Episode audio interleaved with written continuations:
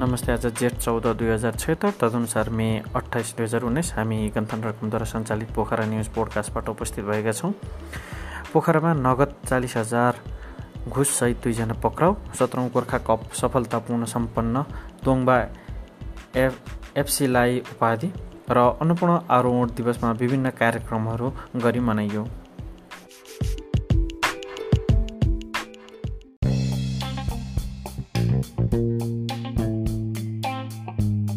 अख्तियार दुरुपयोग अनुसन्धान आयोग पोखराले दुईजनालाई चालिस हजार घुससहित सोमबार राति पक्राउ गरेको छ। यातायात व्यवस्था कार्यालय गण्डकीबाट सवारी चालक अनुमति पत्र लाइसेन्स बनाउँदा लिखित परीक्षा र ट्रायल पास गराइदिने भन्दै सेवाग्राहीसँग घुस लिने दुईजनालाई अख्तियारको टोलीले पक्राउ गरेको हो।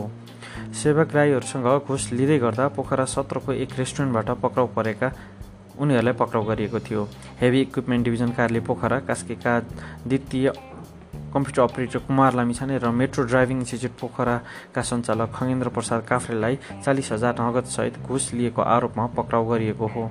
काफ्रेले विभिन्न सेवाग्राहीसँग लिखित परीक्षा र ट्रायल पास गराइदिने भन्दै लिएको एक लाख छ हजार रुपियाँ र डायरी लगायत प्रमाणहरू बरामद भएको अख्तियार दुरुपयोग अनुसन्धान आयोग पोखराका सूचना अधिकारीले जानकारी दिए।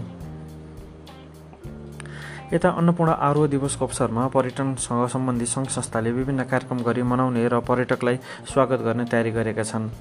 आठ हजार मिटरभन्दा अग्लो चौधवटा हिमालहरू मध्ये सर्वप्रथम आरोहण भएको अन्नपूर्णको उनसत्तरीौँ वर्ष पुगेको अवसरमा पोखरामा क्रियाशील पर्यटनसँग सम्बन्धित सङ्घ संस्थाले विभिन्न कार्यक्रम गर्ने तयारी गरेका हुन्।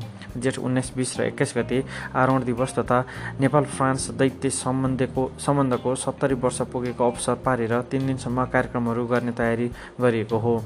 टान पश्चिमाञ्चल क्षेत्रीय सङ्घ पोखरा र नेपाल पर्वतारोहण सङ्घ अन्नपूर्ण शाखा पोखराले संयुक्त रूपमा विभिन्न कार्यक्रमहरू गर्ने तयारी गरेका हुन्।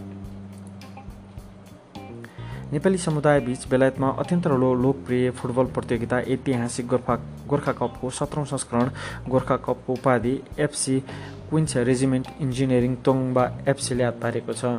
आइतबार छब्बिस मेका दिन तमुदी युकेको आयोजनामा अन्डरसट स्थित क्विन्स एभिन्यू खेल मैदानमा रिडिङ युनिटलाई टाई ब्रेकरमा बयालिस गोलले पराजित गरी उपाधि हात पारेको हो। पूर्व निर्धारित खेल समयमा खेल एक एक गोलमा टुङ्गिएपछि खेल टाई ब्रेकरमा धकेलिएको थियो। उपाधिसँगै तोङबा एफसीले दुई हजार पाँच सय पाउन्ड नगदका साथमा सिल ट्रफी र प्रमाणपत्र प्राप्त गर्यो भने उपविजेता रिडिङ युनिटले एक हजार पाँच सय पाउन्ड नगद ट्रफी र प्रमाणपत्र हात पार्यो।